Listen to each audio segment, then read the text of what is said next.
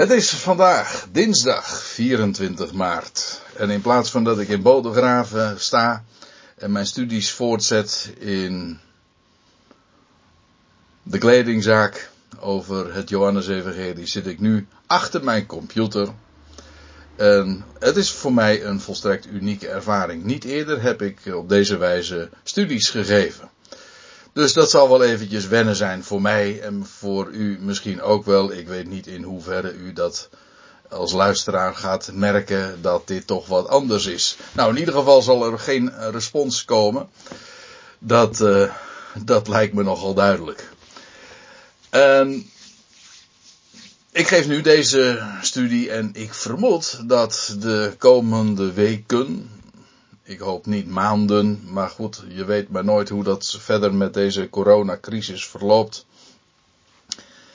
Dat uh, er nog veel vaker uh, op deze wijze studies uh, gegeven gaan worden. Ik was van plan om de studies die ik van, die ik op mijn agenda heb staan, of in mijn agenda heb staan over de studies in Bodegraven, in Katwijk, in Rotterdam, maar ook de zondagse bijeenkomsten, al die toespraken wil ik toch door laten gaan. En dan weliswaar niet in, in een bijeenkomst van hoeveel, nou ja, van 10, 20, 100, 200 man, maar van achter de computer. En ik moet denken aan Paulus, die uh, heel laconiek in de tweede Timotheusbrief schrijft, terwijl hij gevangen was, ook het huis niet uit kon. Zover is het bij mij trouwens gelukkig nog niet. Maar niettemin, hij kon het huis niet uit en dan zegt hij, maar het woord van God is niet gebonden. En dat uh, beaam ik van harte. Want ja, het woord gaat gewoon verder. En uh, het internet is natuurlijk een geweldig medium. Daar kon Paulus nog geen gebruik van maken. Hij heeft gewoon een brief geschreven en op die wijze kon het woord toch voortgaan. En wij uh, hebben vandaag het, uh, het medium van internet, zodat ik de studies die ik nu geef, even later op het internet kan zetten. En iedereen die het maar wil, kan het beluisteren en ook bekijken. Tot dusver wil ik het maar eventjes zo houden dat ik alleen de, de studies dan opneem in MP3. En ook de PowerPoint plaats ik er gewoon bij, zoals dat uh, gewoon was te doen. En misschien dat ik in een later stadium ook er videobeeld bij doe, dat weet ik nog even op dit moment niet. Ik las vandaag in de krant dat in verband met de coronacrisis Pasen niet door kon gaan.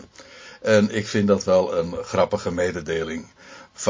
Vooral omdat men uh, daarmee wel heel erg duidelijk blijk geeft totaal geen idee te hebben van wat Pasen nou werkelijk is. Namelijk het geweldige feit van de opstanding en van het lege graf. Want de wereld mag dan denken dat het niet doorgaat. Uh, wij weten beter en ik zal het uh, nog sterker vertellen. Ik ga daar vanavond, want ik neem deze studie op in de avond. Ik ga daar vanavond over over spreken. Want we waren inmiddels gekomen in Johannes 20. Dat wil zeggen, we hebben de vorige keer, en misschien is het goed om nog even terug te blikken op de voorgaande avond in Bodegraven. Toen hebben we nagedacht over Johannes 19. Het laatste gedeelte, het sterven van Jezus. Ik ben ook in het bijzonder nog even stil blijven staan bij het, het merkwaardige fenomeen uh, van de verhouding 1 staat tot 4. Ik noem dat eventjes zo. En ik gaf uh, de verschillende voorbeelden van Jezus die gekruisigd werd in het midden van vier andere medegekruisigden. Een waarheid die trouwens erg onbekend is maar mijn zinziens toch wel heel duidelijk in de schrift uh, is te achterhalen. Waarbij ik uh, vooral toen ook heb benadrukt dat die, die verhouding 1 staat tot 4, die 1 slaat op Jezus Christus zelf en de 4 slaat op de wereld. Het is het getal van, van de windhoeken van Oost, Oost, Noord, Zuid en West. Uh, waarheen het evangelie is gegaan. Ga maar na. Jezus was in het uh, kruis stond in het midden uh, van ja, twee kruisen aan weerszijden staat er dan ergens in Johannes 19. En diezelfde verhouding van 1 staat tot 4 vinden we ook weer in een later vers als dan gesproken wordt over de vier soldaten, de vier Romeinse soldaten, die Jezus ene kleed, dat wordt erg sterk benadrukt, want het was een kleed dat geen naden had en ook dus niet uh, fatsoenlijk gescheurd kon worden. En Jezus kleed, eigenlijk zijn mantel, zijn nalatenschap, dat wordt verloot onder de vier soldaten. Die vier soldaten staan ook hier weer voor de wereld. Sowieso, het waren Romeinse soldaten voor de natieën. En dat wat Jezus nagelaten heeft, zijn kleed, ondeelbaar, zoals het hoge priesterlijk kleed ook niet gescheurd uh, mocht worden. Wel, uh, zijn kleed kwam terecht bij de Romeinen, bij de natieën, bij die vier soldaten. Van Gods wegen verloot. Dan vind je nog een keertje die verhouding van 1 staat tot 4. Want dan wordt daar later in de geschiedenis gesproken over de, ja, de discipel die Jezus lief had. Eh, zoals eh, de auteur zich uh, graag noemt in dit evangelie. De anonieme discipel. Wij weten, het was Johannes zelf. Maar niettemin, zijn naam wordt niet genoemd. Hij is eigenlijk de verborgene. En hij is het die dan genoemd wordt uh, te midden van vier vrouwen. Vier vrouwen die Maria heten. Tenminste, voor zover we de namen van hen kennen, drie van hen, heten ze Maria. En ook dat is weer een, uh, een prachtig uh, beeld over hoe die anonieme discipel, die eigenlijk de rol van Jezus overneemt, hij, uh, gaat, hij zou moeten toezien op, uh, op Maria, Jezus' moeder. Zie, zoon, zie uw moeder. Maar Johannes was niet de zoon, maar hij krijgt wel de rol van de zoon. En zijn naam wordt niet genoemd, hij is de verborgene. Wel, en hij neemt Maria eigenlijk op in, onder zijn hoede. Uh, in zijn hoede en Maria als type ook van ja, het volk waaruit Jezus voortkomt, het Joodse volk. Het Joodse volk is onder de natieën terechtgekomen en daar vindt ze een heenkomen, een veilig onderkomen bij, ja, bij de gemeente. Het, het, gezelschap dat vandaag gevormd wordt. Waar Johannes in dit geval ook een, een type van is. Afijn, uh, daar heb ik. Uh, toen meer over verteld en ik roep het eigenlijk alleen nog eventjes in herinnering. We hebben er ook bij stilgestaan dat Jezus beenderen niet gebroken werden als het ware paascha, maar dat hij geslacht is. Niet na zijn sterven, maar voorafgaand aan zijn sterven. In Matthäus 27, in de oorspronkelijke tekst staat dat heel duidelijk. En dat is een, een, gegeven, want het betekent dat hij daadwerkelijk het, het paascha is, dat geslacht is. En leeg gebloed is, zoals dat ook bij een, een, een offer diende te geschieden. En, en zo heeft hij uh, inhoud gegeven uh, en is hij de vervulling ook van wat over het paascha staat geprofiteerd. En het laatste wat we hebben gezien is de, en besproken is Jezus' uh, begrafenis. Door uh, Jozef van Arimathea, die rijke man die in het verborgene ook eigenlijk een discipel was van Jezus. En die had vlakbij waar Jezus gekruisigd was een, een graf waar nog nooit iemand ingelegen had. En daar werd Jezus dan ingelegd nadat het lichaam trouwens helemaal geprepareerd was. Met, uh, met heel veel specerijen. In ieder geval, Jezus was de eersteling die in het graf gelegd werd. Uitgehouwen uit de rotsen, lees je. De eersteling. De eersteling in het graf, maar belangrijker natuurlijk.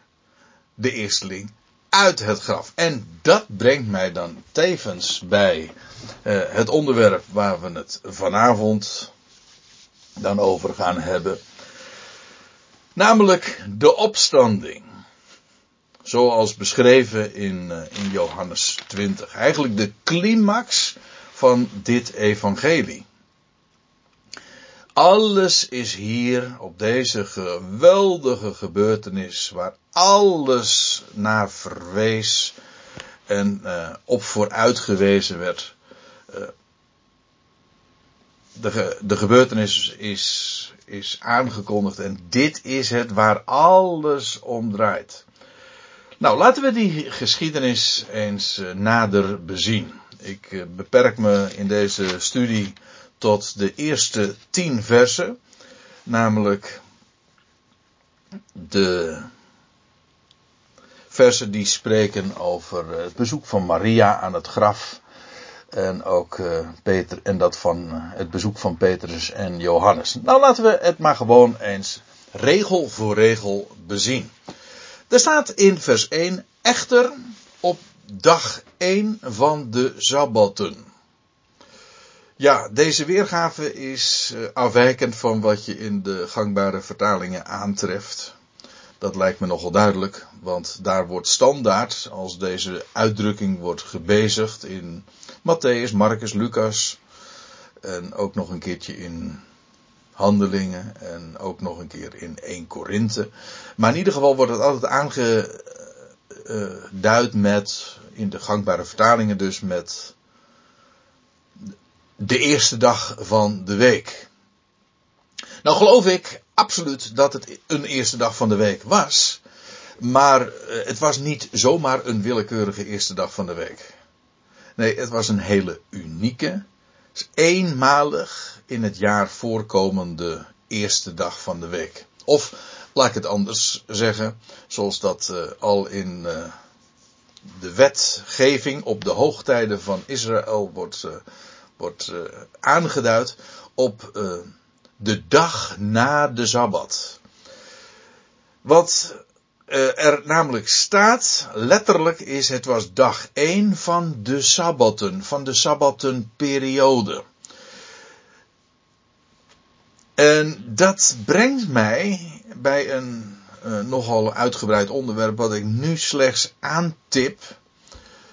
En bij andere gelegenheden ben ik daar veel dieper op ingegaan. Ik heb daar ook blogs over geschreven. Want het is buitengewoon intrigerend. Want wat hier namelijk wordt aangegeven is dat het gaat over die ene dag in het jaar. Dag nummer 1 van de Sabbatenperiode. Je moet namelijk dit weten. Dat na het Pascha kreeg je, werd, eh, begon de gerstoogst. En als de eersteling van de gerstoogst, die was uiteraard voor Yahweh bestemd, zoals al het eerste en het eerstgeborene en de eerstelingen van de oogsten werden altijd bij de Heer gebracht. Dat was ook met het geval bij de eersteling schoof, bij de eerste schoof van de gerstoogst. Wel, die moest bij Yahweh gebracht worden. En we vinden dat in Leviticus 23 beschreven. En wanneer moest dat gebracht worden? Er wordt geen datum voor genoemd. Maar er wordt een weekdag voor vastgepind. Namelijk, het was de dag na de Sabbat. En vanaf die dag zou men zeven Sabbatten moeten gaan tellen. En ook elke dag afzonderlijk tellen.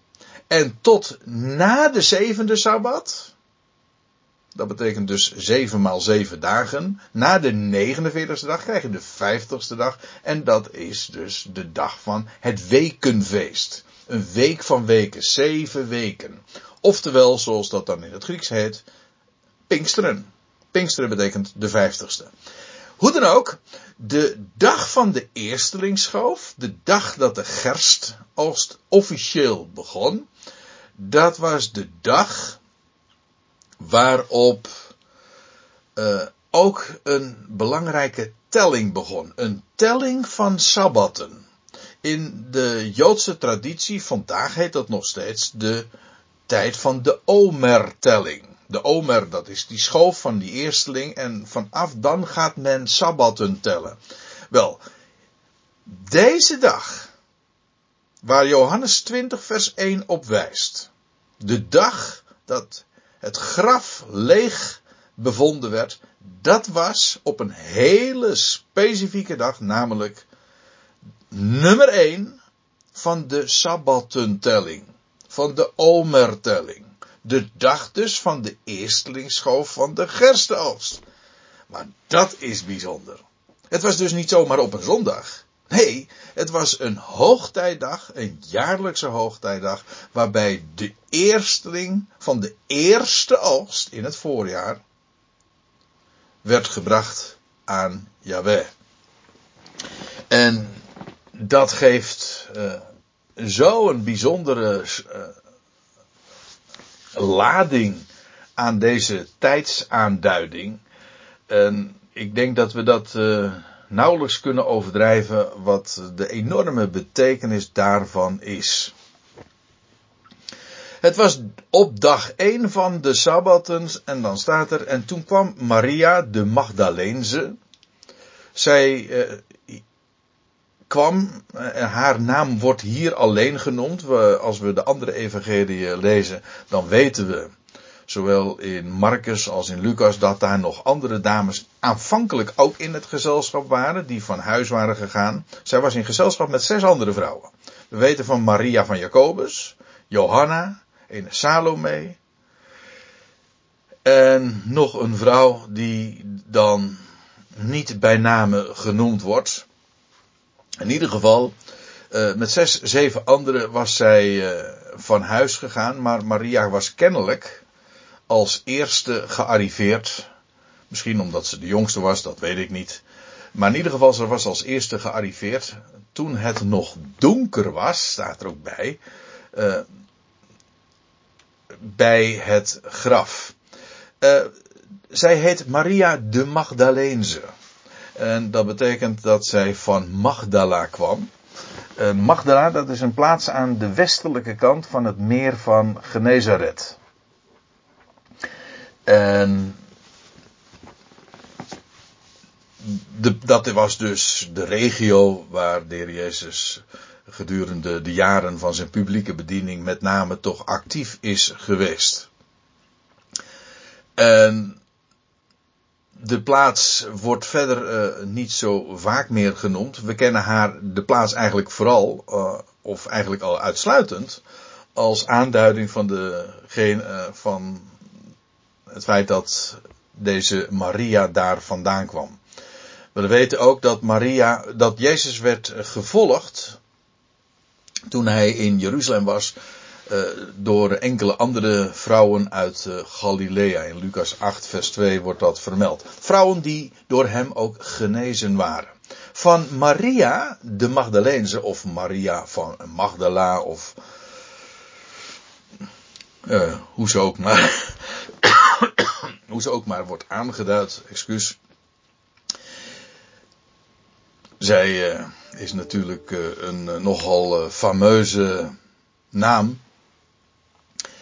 in, de, in de traditie geworden. Er zijn ook talloze mythes en legendes over haar ontstaan. En er zijn ook hele kwalijke dingen over haar geleerd. Bekend is het boek van Dan Brown die suggereert dat het de minnares of de vrouw van Jezus zou zijn geweest. Nou ja, meer van dat soort uh, verhalen die totaal elke bijbelse basis missen. Ik wil daar uh, bij een, de volgende studie over de typologische betekenis van Maria van Magdala wil ik daar nog wel wat uh, dieper op ingaan. Wel is het een, een, een feit wat wij van haar weten ook uh, datzelfde Lucas 8, vers 2, waar ik zojuist al op wees, is dat over haar gezegd wordt dat bij haar zeven demonen waren uitgeworpen. Hoe we ons dat precies moeten voorstellen, weet ik niet. Maar in ieder geval, zij was uh, op een hele kwalijke wijze zevenvoudig gedemoniseerd. Uh, meer informatie hebben we daarover niet, maar dat betekent dus dat, dat zij op een wonderbaarlijke wijze is bevrijd geworden. En wellicht is dat ook de reden geweest dat zij vanuit Galilea Jezus gevolgd is samen met nog andere vrouwen. Zij uh, was ook aanwezig. We hebben haar, zijn haar naam ook tegengekomen toen in hoofdstuk 19, vers 25, als gesproken wordt over die vrouwen die bij het kruis waren. Die andere Maria's worden daar ook nog genoemd. Zij was daar aanwezig en ze was ook aanwezig, zo weten we, uit Marcus 15 bij de begrafenis van Jezus. En hier wordt zij als eerste terwijl het nog niet eens helemaal ochtend is, het was nog donker, wordt zij als eerste vermeld en bevindt zij zich daar bij het graf. En wat zij eh, daar doet, is, er staat er nog bij, ze kwam daar vroeg in de morgen, terwijl het nog donker was, naar de graftombe. Wat zij dan ging doen, we weten uit Matthäus 28 wordt er gezegd, uh, ze deden dat, ze waren daar naartoe gegaan om het graf te beschouwen. Uh, maar uit Marcus 16 en Lucas 24 weten we ook dat ze van plan waren om uh, het lichaam van Jezus te, verder te zalven met de specerijen, de andere specerijen die ze eerder hadden gekocht na de Sabbat en die ze ook klaar hadden gemaakt. En nu zouden ze Jezus dan gaan gaan zalven. Afijn, uh, Maria is uh, vooruitgesneld en die, is, die bevindt zich dan, uh, en die komt daar in het donker aan bij de graftombe. En wat ze dan ziet, is de steen. Weggenomen van de graftombe. Dat betekent dus dat die aardbeving waar Matthäus over spreekt, al heeft plaatsgevonden. ze zag de steen in Matthäus lezen we dat was een grote steen. En Marcus 16 zegt zelfs, het was een zeer grote steen. En hoe ze, uh, de dames zich dat hebben voorgesteld om uh, toegang te krijgen tot Jezus' lichaam, weet ik niet. Ze hebben zich dat ook afgevraagd toen ze onderweg waren. Maar goed, ze, ze zijn hoe dan ook met die specerijen dus op weg gegaan. Uh, en nu komt Maria daar als eerste bij het graf en ziet dat de steen is weggenomen van, uh, van de graftombe. In Matthäus 28 lezen we nog uh, hoe dat zo gekomen was. Want dan staat er in vers 2 van dat hoofdstuk. Let op, er kwam een grote aardbeving. Waarschijnlijk daar ter plekke. Want een boodschapper van de Heer daalde af uit de hemel. Dus het was niet een, een aardbeving die uh, seismologisch was. Hij kwam niet uit de aarde. Nee, het was een dreun op de aarde. Omdat een boodschapper van de hemel heel demonstratief neerdaalde, afdaalde. En die uh, wentelde, hij, hij wentelde de steen en zette zich daarop. Overigens uh, denk ik niet dat die steen werd weggewenteld om Jezus uit te laten, uit het graf te laten. Ik denk dat het eerder omgekeerd is. Jezus, uh, of de steen die werd uh, weggewenteld. Niet om Jezus uit te laten, maar om mensen binnen het graf te laten.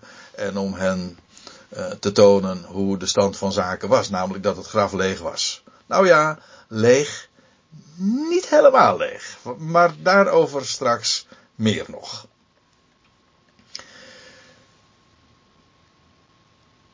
Als zij dat dan heeft vastgesteld, dat de steen weggenomen is, dan rent zij uh, vervolgens weg en dan arriveert ze bij Simon Petrus en de andere discipel van wie Jezus veel hield. Zij rent daar naartoe, dus uh, de wijze waarop dit hier beschreven wordt, uh, suggereert dat Petrus en die andere discipel, van wie we inmiddels natuurlijk al lang weten dat dat Johannes was, dat, uh, en die twee worden trouwens altijd samen genoemd, Petrus en Johannes, dat waren ook intieme vrienden. Uh, hoe dan ook, uh, zij ging naar uh, Simon Petrus en die andere discipel. De auteur dus van dit boek, Johannes, die dus dit eigenlijk ook als ooggetuige allemaal kon optekenen. Maria is, rent, is naar hen toegerend en kennelijk hebben Petrus en Johannes daar niet ver van het graf overnacht. En eerder hebben we al overwogen, en op goede gronden naar ik aanneem, dat de Heer Jezus eh, is gekruisigd op een plaats op de Olijfberg. Ik heb daar verschillende argumenten voor genoemd, ik ga ze nu niet herhalen. Maar als dat inderdaad zo is, dan heeft, uh, hebben Simon Petrus en Johannes daar dus op de Olijfberg overnacht. Wat trouwens helemaal niet zo gek was, want uh, dat deden ze veel vaker. De nacht doorbrengen op de Olijfberg vinden we dan op verschillende plaats ook in de, in de evangelie vermeld. En dat was dus Simon, Simon Petrus en de andere discipel van wie Jezus veel hield. En daarmee op die manier, deze cryptische omschrijving is natuurlijk een, een hint naar uh, de auteur zelf, die zich op een hele bescheiden wijze op de achtergrond stelt. Standaard. Nooit noemt hij zich bij name. Afijn, Maria die is ontsteld, want dat blijkt wel uit uh, het feit dat zij, uh, als zij ziet dat de steen is weggewenteld van het graf, dan, dan snelt ze naar, Petrus en Johannes en wat zij dan tegen hen zegt, is ze namen de Heer weg uit de graftombe. En wij weten niet waar ze hem hebben geplaatst. Eigenaardig eventjes, uh, voordat ik nog uh, wat andere dingen uit deze formulering aanstip, is dat zij zegt, zij namen de Heer weg. Zij namen de Heer weg. Kennelijk heeft ze gezien dat de steen was weggewenteld en misschien heeft ze gekeken en zag ze inderdaad uh, niets. In ieder geval, zij, uh, ja, ze stelt vast dat dat leeg was. En zij kon maar één conclusie trekken. En dat is dat Jezus weggenomen was. Dat er sprake dus was van grafschennis of grafroof. En, maar let even trouwens op. Ze zegt, ze namen de Heer weg. Er staat niet, ze namen zijn stoffelijk overschot weg. Dat is niet de wijze waarop de Bijbel over, over een lijk denkt. Het lijk is niet een stoffelijk overschot. Nee, dat is dat waar het bouwmateriaal eigenlijk van, van het nieuwe lichaam weer. Zo wordt dat uh, in de schrift beschreven. Zij zegt ook, zij namen de Heer weg. Niet slechts een overblijfsel. of nee, de Heer zelf. Die hebben ze weggenomen.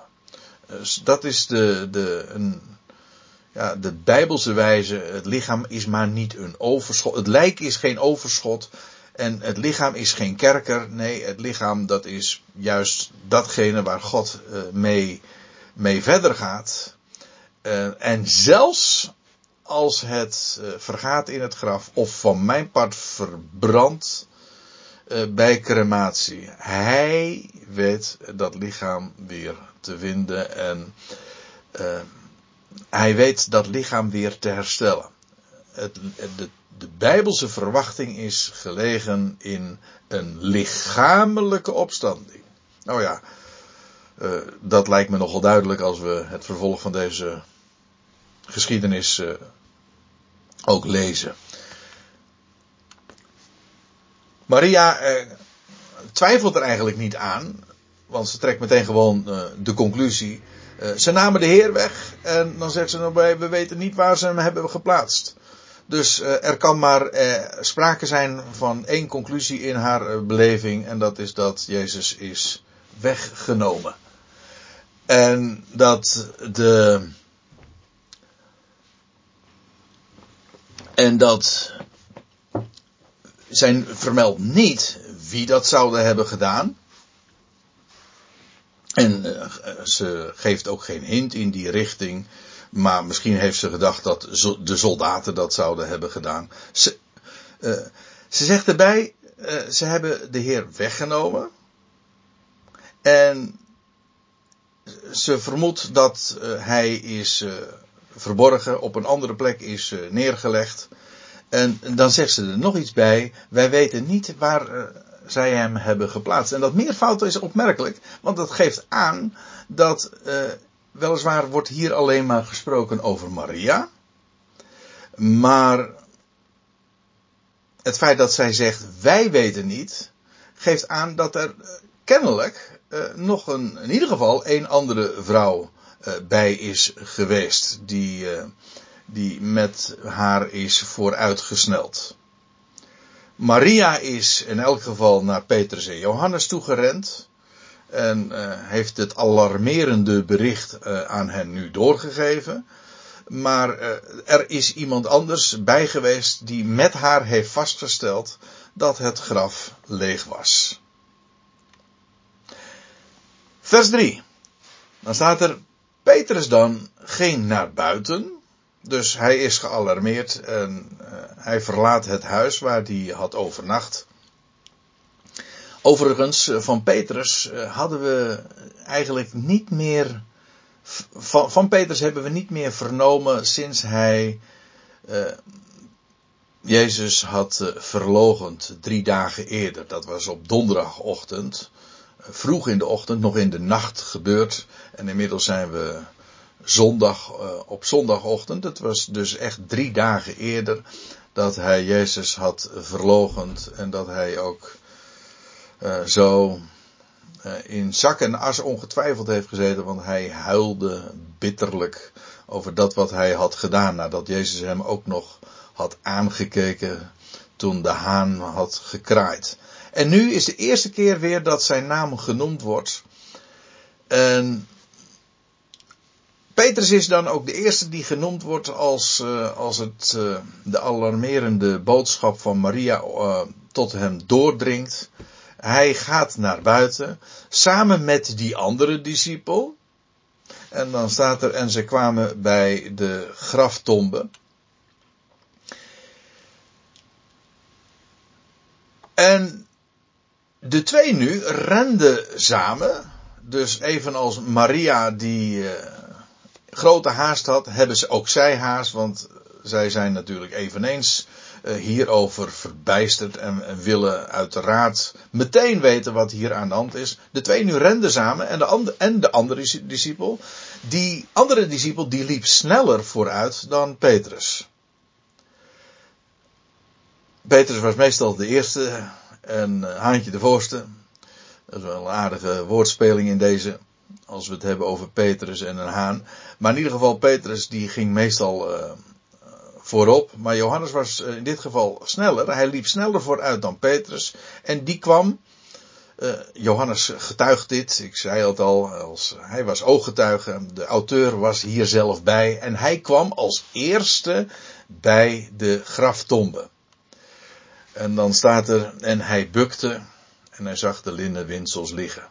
Hij bukte, wat uh, erop duidt dat de ingang uh, kennelijk laag was, zodat hij moest bukken. Het kan ook zijn dat het graf zelf uh, in zijn geheel lager lag dan de grond, zodat hij moest bukken. maar wat hij dan ziet is de linnen windsels. En dat is opmerkelijk. Want daarmee moet Johannes de conclusie hebben getrokken dat wat Maria had gemeld niet waar was. Weliswaar bevonden zij nu ook inderdaad dat de steen weggewenteld was en dat ze het graf in konden gaan, maar kennelijk heeft Maria niet in het graf goed gekeken, want wat zij wat Johannes nu vaststelt, als hij uh, bukt en kijkt, is hij ziet de linnen windsels. Zodat het graf, uh, pardon, zodat de, het lijk kennelijk uh, niet was weggenomen. Want ja, bij lijkroof zouden uiteraard de windsels gewoon met het lichaam zijn meegenomen. Wat Johannes ziet is een kokon. Hij ziet die winsels. We eerder hadden we al gelezen aan het einde van Johannes 19 dat Jezus bij de begrafenis eh, gewikkeld werd in linnen winsels. En bovendien eh, dat die geprepareerd waren met 100 pond specerijen. Vergis u niet, 100 pond dat is in onze huidige mate 33 kilogram specerijen. Dus Jezus was uh, ingewikkeld in winsels. En vervolgens die winsels zijn geprepareerd. En inmiddels zijn we een drietal dagen of tweeënhalve dag, uh, tweeënhalf etmaal verder.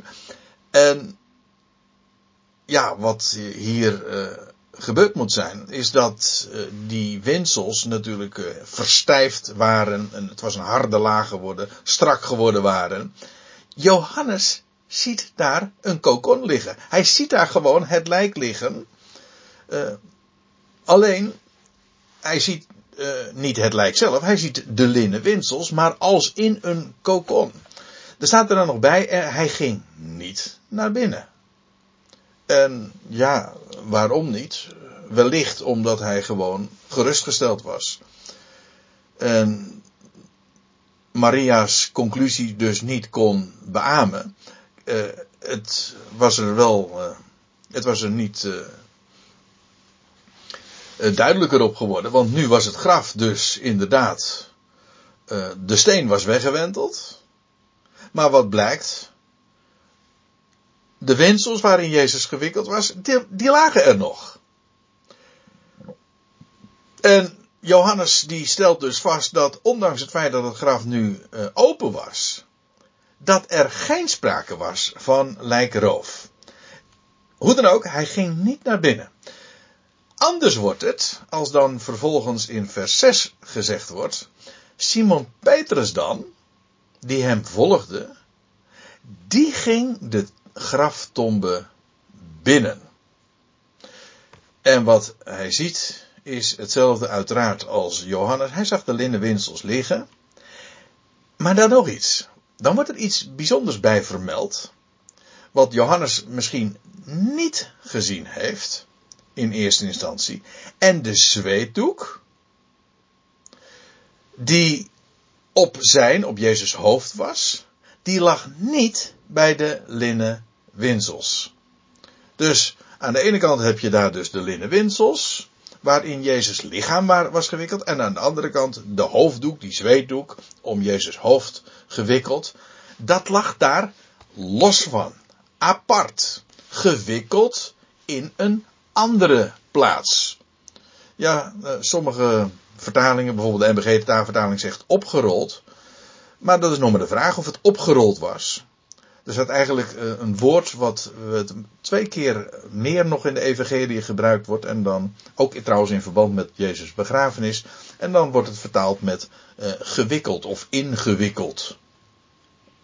En Jezus was dus, uh, Jezus hoofd was net als zijn lichaam, maar alleen in een aparte doek, gewikkeld. En die wikkels, die eveneens waren geprepareerd met specerijen, die ziet Petrus er los van liggen. En ja, wat hij ziet is feitelijk een, een lege kokon. Een lege dop, om het anders te zeggen. U weet allemaal dat, uh, dat een, uh, een ei uh, het embleem is van Pasen waarvan nu dus gezegd wordt dat gaat dit jaar niet door. Maar uh, mag ik u erop wijzen dat, dat een, een, in feite niet een ei, maar het lege ei, een lege dop, jazeker, dat is het embleem van opstanding. Een ei, ja, dat is uh, op zich een, een prachtig uh, beeld van nieuw leven leven, nieuw leven dat nog verborgen is. Want dat is eigenlijk wat een ei is. Een ei is, uh, daar zit nieuw leven in, alleen het wordt nog niet gezien. Maar wat Johannes ziet, of pardon, wat Petrus ziet, als hij dan in dat graf is gegaan, in dat grafgewelf, dan ziet hij inderdaad die linnen winsels, die lege kokon uh, liggen. En dan op een aparte plaats, los daarvan, uh, die zweedoek, die hoofddoek. En wat hij dus ziet, inderdaad, is, is, is een, leeg, een lege dop. Ja. En wij zeggen dan, en het spreekwoord is beter een half ei dan een lege dop. Maar als je eenmaal uh, de typologie kent, dan zal je dat niet zo gauw meer zeggen. Want die lege dop, dat is nu juist het geweldige. Of, nog anders gezegd, die, halve, die lege dop, dat is nu juist het hele eieren eten. Ja. Want dat is precies wat hier uh, aan de hand is. Uh, dat het graf was leeg. Nee, het graf was feitelijk niet leeg. Wat er in dat graf lag, was een kokon. Alleen een lege kokon. En dat is wat Petrus hier vaststelt. En wat, eh, dan staat er van, van Johannes in vers 8. De andere discipel dan, weer die anonieme benoeming, de andere discipel dan ging ook binnen. Dat was hij die als eerste kwam bij de graftombe, Johannes dus, de auteur. En hij, nam, hij nam waar en hij geloofde. Hij nam dit waar en hij kon maar één conclusie trekken. De Heer Jezus Christus is opgestaan. Het volgende vers zegt dat ook inderdaad. Hij nam dit waar en hij geloofde. De lege kokon. Dat is wat hij zag. En dat is ook precies waarom hij nu ook tot aanvaarding kwam. Het kan niet anders. Jezus moet zijn opgestaan. Hij, hij geloofde. Let op, Johannes geloofde. Maar Petrus niet. Petrus heeft het wel gezien. Petrus heeft deze lege kokon gezien. Maar nog was het niet bij hem doorgedrongen. Het kwartje was nog niet bij hem gevallen. Dat dit moest betekenen dat hier niet sprake was van diefstal. Zoals Maria dacht. En zoals kennelijk Petrus nog steeds denkt, of in ieder geval, hij weet niet wat hier aan de hand is. Hij kon op een of andere manier nog niet uh, de gedachte accepteren dat Jezus daadwerkelijk moet zijn opgestaan. Dat wat Johannes wel geloofde, dat zag jo Petrus in dit geval nog steeds niet. Uh, hij, hij kon dat uh, niet aannemen. In hoeverre ze dat met elkaar ook hebben besproken, dat weet ik niet. Dat wordt ook hier niet beschreven. Het enige wat wel heel uitdrukkelijk vermeld wordt, is dat weliswaar Petrus als eerste in het graf komt en die, dat, dat, die, die wensels ziet liggen apart van, de, van die hoofddoek. Maar het was Johannes die vervolgens in het graf dit waarneemt en ook daadwerkelijk geloofde. Hij geloofde niet, zij beiden geloofden. Met het ongeloof van Petrus is trouwens uh, nog wel wat meer aan de hand. Juist op deze dag uh, treedt dat uh, in de andere evangelie, als we die er nog bij betrekken, heel duidelijk aan het licht. Want als even later ook de vrouwen in aanraking komen, nog vroeg in de ochtend met de opgestane Jezus, uh, dat is dan inmiddels, uh, ja, misschien een uur of misschien nog wat langer daarna. dan verschijnt Jezus aan hen ook. De eerste verschijningen, die zijn niet aan de twaalf, maar zijn aan de vrouwen.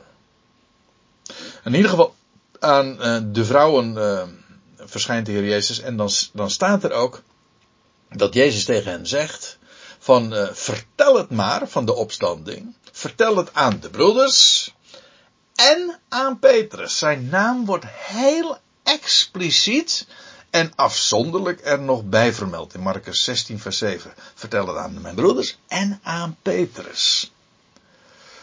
En als de vrouwen dan inderdaad uh, dan bij het, uh, het grotere gezelschap gekomen zijn. Waarschijnlijk zijn de andere de discipelen hebben in de stad ergens overnacht en Johannes en Petrus ergens op de Olijfberg. Uh, in ieder geval als Petrus zich en Johannes zich hebben vervoegd bij dat gezelschap, bij het gezelschap later op de dag. En zij horen dat van de vrouwen, dan gelooft het merendeel van de discipelen dat niet. Maar het is Petrus die dan inderdaad, als hij dit van de vrouwen hoort, weer teruggaat en het opnieuw checkt. Een double check. Namelijk, uh, en dan vind je in Lucas 24 en dan ziet hij opnieuw, ja, die wensels. Uh, precies zoals hij dat eerder op de dag ook al had vastgesteld. En daar staat er trouwens in Lucas 24 nog niet bij dat hij op dat moment wel uh, gelooft. Op een bepaald moment, diezelfde dag nog, moet Petrus een verschijning hebben gehad van de Heer Jezus Christus zelf. Die hem hoogst persoonlijk en sterker nog als eerste man heeft uh, overtuigd van de opstanding. We lezen ook dat als later, uh, op die dag is er zoveel gebeurd. Uh, de Heer Jezus is diverse keren verschenen. En als dan uh, hij ook op de weg aan die Emmausgangers, dat is inmiddels in de avond, is verschenen. En dan gaan die, die twee mensen gaan weer terug naar Jeruzalem. En dan komen ze bij het gezelschap en dan zeggen ze, nou ja, dat ze, dan, dan zeggen ze en vertellen ze over, over hoe de Heer Jezus aan hen was verschenen en had verteld over de, Oh, en de schriften eh, met hen had geopend en hoe hij hen bekend was geworden in de broodbreking. Maar voordat ze daar in dat gezelschap komen, dan krijgen ze enthousiast van het gezelschap te horen. De Heer is waarlijk opgestaan en hij is aan Simon verschenen. Hij was natuurlijk ook aan de dames al verschenen, maar dat hadden ze niet geloofd. Maar nu had Petrus het hoogst persoonlijk ook uh, gezien en de Heer Jezus is persoonlijk ook aan Petrus verschenen. Later zegt Paulus ook in 1 Korinthe 15, noemt hij Petrus ook als eerste ooggetuige. Uh, dat officieel trouwens ook uh, in, de, in die dagen juridisch geldig was. was als eerste man, het was geen emotionele vrouwenpraat, nee, als eerste man was hij overtuigd van de opgestane Christus. Hij is uh, hij is aan Kefas verschenen als, uh, als eerste man. Hoe dan ook, pas veel later dus op de dag is Petrus daadwerkelijk ook omgegaan. Hij heeft getwijfeld, wellicht heeft hij al in eerste instantie heel erg getwijfeld, terwijl Johannes al geloofde als eerste. Maar als hij dan vervolgens is ge, in Jeruzalem is en ook uh, dat de, de check heeft gedaan, dan twijfelt hij nog steeds totdat de Heer Jezus uiteindelijk hoogstpersoonlijk de doorslag geeft en aan hem uh, verschijnt. En dan staat er bij uh, hierin, om even terug te gaan naar Johannes 20, het was Johannes die geloofde en de eigenaardige mededeling, vers 9, want zij kenden de schrift nog niet. Dat hij uit de doden moest opstaan. Kijk, het is voor ons heel gemakkelijk om daar uh, over te oordelen en zeggen dat ze dat niet begrepen. Maar dat is misschien erg gemakkelijk, want als we de geschiedenis bekijken en hoe dat gegaan is. Er was zoveel ongeloof die dag. Eh, van de Emmausgangers lees je dat ook, dat ze niet konden geloven dat wat de, dames, de vrouwen hadden verteld, dat dat waar zou zijn. Sterker nog, er staat zelfs bij dat ze hen hadden uh, verbijsterd, ontsteld over, over verschijningen en dat doen ze dan inderdaad af als uh, emotionele vrouwenpraat. Uh, het wilde er bij hen niet in dat Jezus inderdaad zou zijn opgestaan uit de doden. En ja, het bewijs uh, wordt later natuurlijk overduidelijk gegeven, ook die avond zelf nog. Als de, als de MS-hangers gearriveerd zijn, dan verschijnt Jezus ook in het hele gezelschap. Ja, en dan zijn, is het bewijs helemaal voor het hele gezelschap volstrekt helder. Zeker als Jezus dan uh, het ook nog heel demonstratief ook bewijst door zijn handen en zijn voeten te tonen. En uh, de, de speerstoot in zijn zijde. Allemaal tekenen dat hij het onmiskenbaar was. Dan is het bewijs helemaal geleverd.